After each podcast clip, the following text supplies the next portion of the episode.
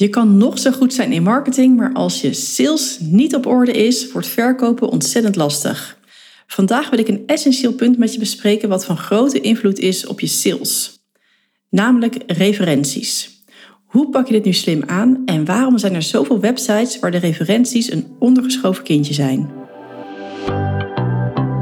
Je luistert naar de Van Strategie tot Implementatie podcast. Mijn naam is Eline Landgraaf en als online marketingstratege neem ik je mee hoe jij als coach of kennisondernemer je online marketing het beste in kan zetten voor je bedrijf. In deze podcast krijg je geen ingewikkelde of onpersoonlijke strategieën. Ik laat je graag zien hoe je kan ondernemen vanuit verbinding met een ijzersterke marketingstrategie.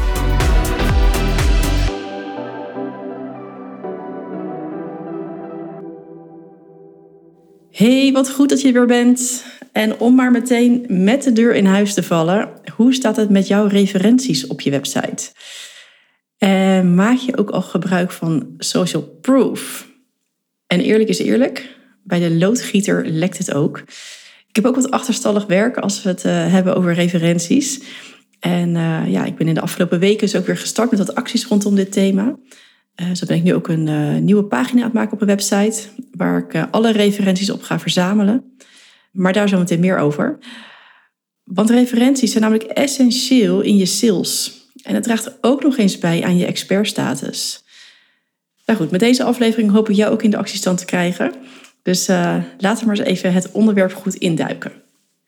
Nou, als we kijken naar ons eigen koopgedrag, of nou, naar jouw koopgedrag. Stel dat je een hotel gaat boeken. Kijk je dan ook naar de referenties? Ik kijk altijd van, hey, hoeveel sterren heeft dat hotel? Uh, ja, dus niet het sterren van het hotel, maar hoeveel sterren geeft de, geven de uh, gasten van het hotel? Is er goed ontbijt? Wat schrijft men erover? Uh, en als ik lees van, ja, de, de, de service is slecht, uh, de bedden slapen niet lekker, ja, dan ga ik verder kijken. En hetzelfde als met een leeg terras. Ga jij op een leeg terras zitten Terwijl het terras daarnaast helemaal vol en gezellig uh, aanvoelt, waar je dat geruis hoort, dan loop je toch naar dat volle terras. Want een leeg terras geeft uiteindelijk aan, in ieder geval, dat, dat is mijn interpretatie, nou, het zal er wel niet zo goed zijn. Dus als we daarnaar kijken, dan kunnen we eigenlijk wel stellen dat ons koopgedrag wordt beïnvloed door de mensen om ons heen. Nou, dat zou je natuurlijk ook zelf uh, misschien wel hebben meegemaakt dat de buurvrouw kwam met iets en die vertelde het erover. Je zei, nou, dit moet ik ook hebben. Dus dat helpt. En vermoedelijk was je hier ook wel bewust van. Alleen is het nu even zaak om in actie te komen. Want hoe krijg je nu goede reviews? Nou, wat je natuurlijk wil voorkomen, is dat je aan klanten vraagt uh, nadat ze een traject bij jou hebben doorgelopen. Wat ze van het traject hebben gevonden en uh, wat hun resultaten zijn en of ze een review willen schrijven. Als je dat een beetje zo ja, los vast zeg maar, vraagt, dan zal je merken dat ja, je niet echt een prikkelende referentie krijgt. En als je hem al krijgt natuurlijk, want je wilt ook niet om gaan leuren. Dus eigenlijk wil je een moment gaan vinden waarop je die referentie kan gaan vragen. Zodat je de beste referentie krijgt. Nou, daar ga ik uh, ook even iets meer uh, op in. En vooral op dat moment, want het is dus de kunst om dat momentum te vinden. En maar ook om te luisteren wat jouw klant je vertelt. Nou, daar heb ik ook wel een leuk voorbeeld bij wat ik, uh, wat ik met je wil delen. Want deze zomer um, had ik een QA-sessie. Dus ik heb een, bij mijn Groei Online begeleidingstraject. Er zitten verschillende ondernemers in. En in die QA's uh, ja, help ik ze verder met vragen. er is ook vaak veel interactie met elkaar. Het was een hele leuke sessie. Met doorgaans zo'n vier tot zes ondernemers. En goed, daar ontstaan dus interessante gesprekken. En een van de deelnemers zei op dat moment letterlijk: Had ik jou maar drie jaar eerder ontmoet, dan was ik veel verder geweest in mijn bedrijf. Ik vond het natuurlijk echt een gigantisch compliment. Dus eerst had ik natuurlijk alleen maar te shine en dacht ik: Oh, fantastisch, dankjewel, wat leuk. En toen viel mij het kwartje: This is the moment. dus dit is het moment. Dus ik heb er na de Q&A meteen een, een, een, e-mail gestuurd van, nou, dankjewel. Ik vond het, ik er nog even op terugkomen op wat je zei. Ik vond het zo bijzonder en dat gaf me zo'n goed gevoel. Zou ik het mogen gebruiken als referentie op mijn website of, als, of, of in mijn sales of in mijn marketing en sales uitingen? Nou, toen kreeg ik meteen een bericht terug. Ja, natuurlijk, want dat meen ik ook recht uit mijn hart. En ze schreef er nog een heel verhaal bij. Dus dat is een enorm cadeau wat ik kreeg. Maar dit kwam omdat ik juist dat momentum had aangevoeld. En dat zal je waarschijnlijk ook hebben. Het is dus de kunst om te luisteren naar wat wordt er tegen je gezegd. Want tussen de regels door uh, heb je heel veel materiaal gekregen voor goede referenties. Alleen was je er vermoedelijk niet zo bewust van. Dus als je alert gaat worden op dit stukje, dus wat zeggen de klanten of jouw klanten tegen jou, kom dan meteen in actie. jouw klanten zijn echt ook het meest bereid om een referentie te schrijven als ze in een high vibe zitten. dus in die fijne energie waarin alles stroomt, dat ze bijvoorbeeld net zelf een nieuwe klant hebben binnengehaald, dat is het moment. En daar ligt natuurlijk de sleutel voor al je referenties. Dus probeer die high vibe te herkennen en vraag op dat moment je referentie op. als je een halfjaar traject hebt en je krijgt een berichtje dus van een klant dat ze een bepaald doel hebben bereikt, uh, dan is dat het moment om je referentie aan te vragen. Want aan het einde van het traject, dan, nou ja, soms vergeet je dat weer. Ik weet, ik weet hoe het gaat. Maar goed, misschien ben ik wel echt de meest chaotische persoon op, de wereld. Maar dan uiteindelijk denk ik na een maand, oh ja, ik moet er nog even een referentie op vragen. En er zullen zeker luisteraars zijn die dit ook herkennen. Maar dan ben je uit het hele momentum. Want die, die persoon zit misschien alweer bij iemand anders in een traject. Of die is alweer iets heel anders aan het doen. Dus weet dat dit een essentieel punt is in het opvragen van referenties het momentum. En als je dan een referentie opvraagt, ja, maak het dan je klant zo makkelijk mogelijk. stuur een aantal vragen mee, waarmee je dus ook echt de, de essentie naar boven krijgt. Dus denk daar van tevoren even over na. En als je je klant een, een begeleidend berichtje erbij stuurt van... hey, wil je mij helpen? Dan krijg je al een stukje ja, welwillendheid, noem dat zo. Daarnaast kan je ook altijd even een backlink aanbieden. En daarmee bedoel ik dat je de link van de website van bijvoorbeeld jouw klant meeneemt op jouw website bij de referentie. Dit helpt ook weer jouw klant vooruit. En ja, dat kan dus helpen uh, dat iemand denkt: hé, hey, laat ik maar eens even in die pen klimmen, want dat helpt me ook weer een stuk vooruit. En uh, ik ga wel even een mooie referentie schrijven. Want naar mijn idee is ook vaak geen onwil hè, dat referenties niet binnenkomen. Want ja, als we kijken naar drukke ondernemers, dan bladt het vaak gewoon simpelweg onderaan de stapel met werk. En dan blijft het liggen en dan komt het niet meer en dan denk je, nou laat het maar.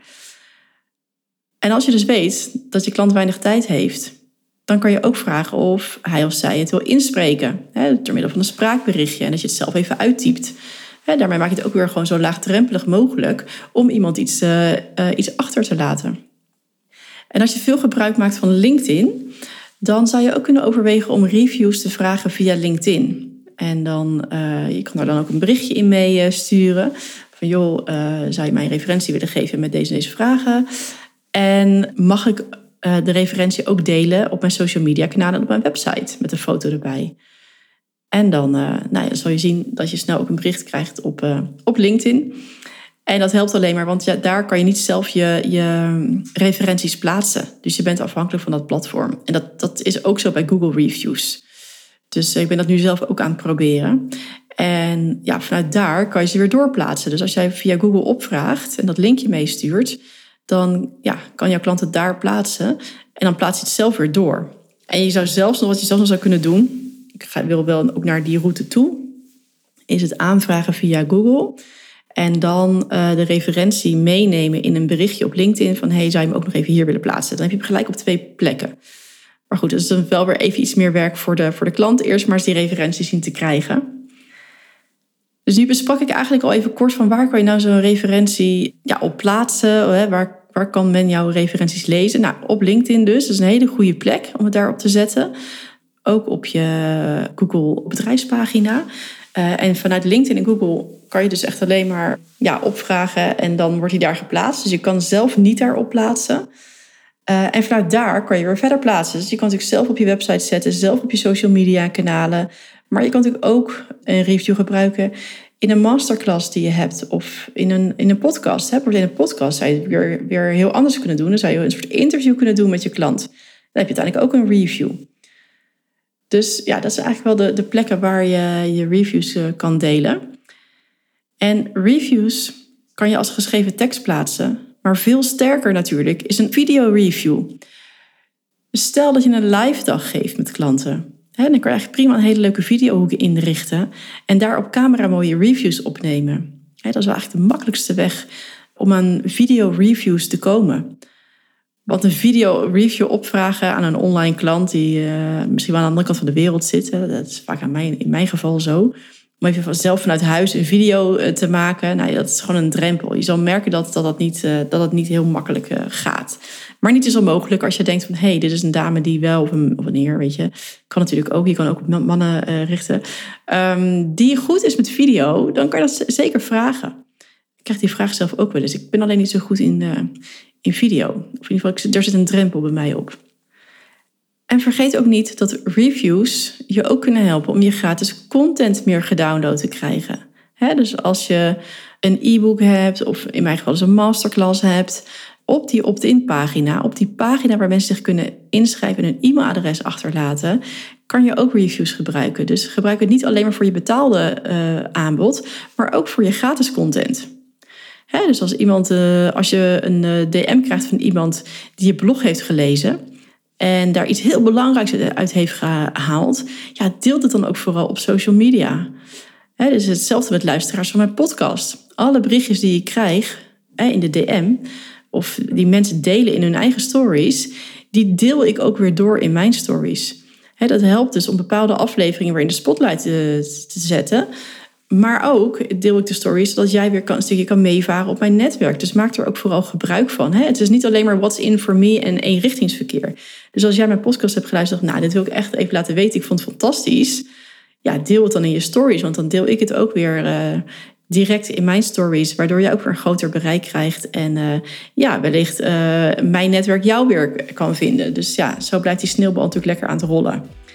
Ik hoop dat ik je heb mogen inspireren met deze aflevering. En uh, ja, als dat het geval is, maak dan even een story voor Instagram. Dat zou ik hartstikke leuk vinden. En uh, voor nu wens ik je een hele fijne dag en tot de volgende aflevering. Heel veel dank voor het luisteren en super dat je tot het einde bent gebleven. Dat waardeer ik enorm. En als deze podcastaflevering waardevol voor je was, zou je me dan een rate willen geven op het kanaal waarop je luistert. En nog even op volgen willen klikken, want daardoor wordt de podcast beter gevonden en kunnen ook andere ondernemers van mijn gratis content profiteren.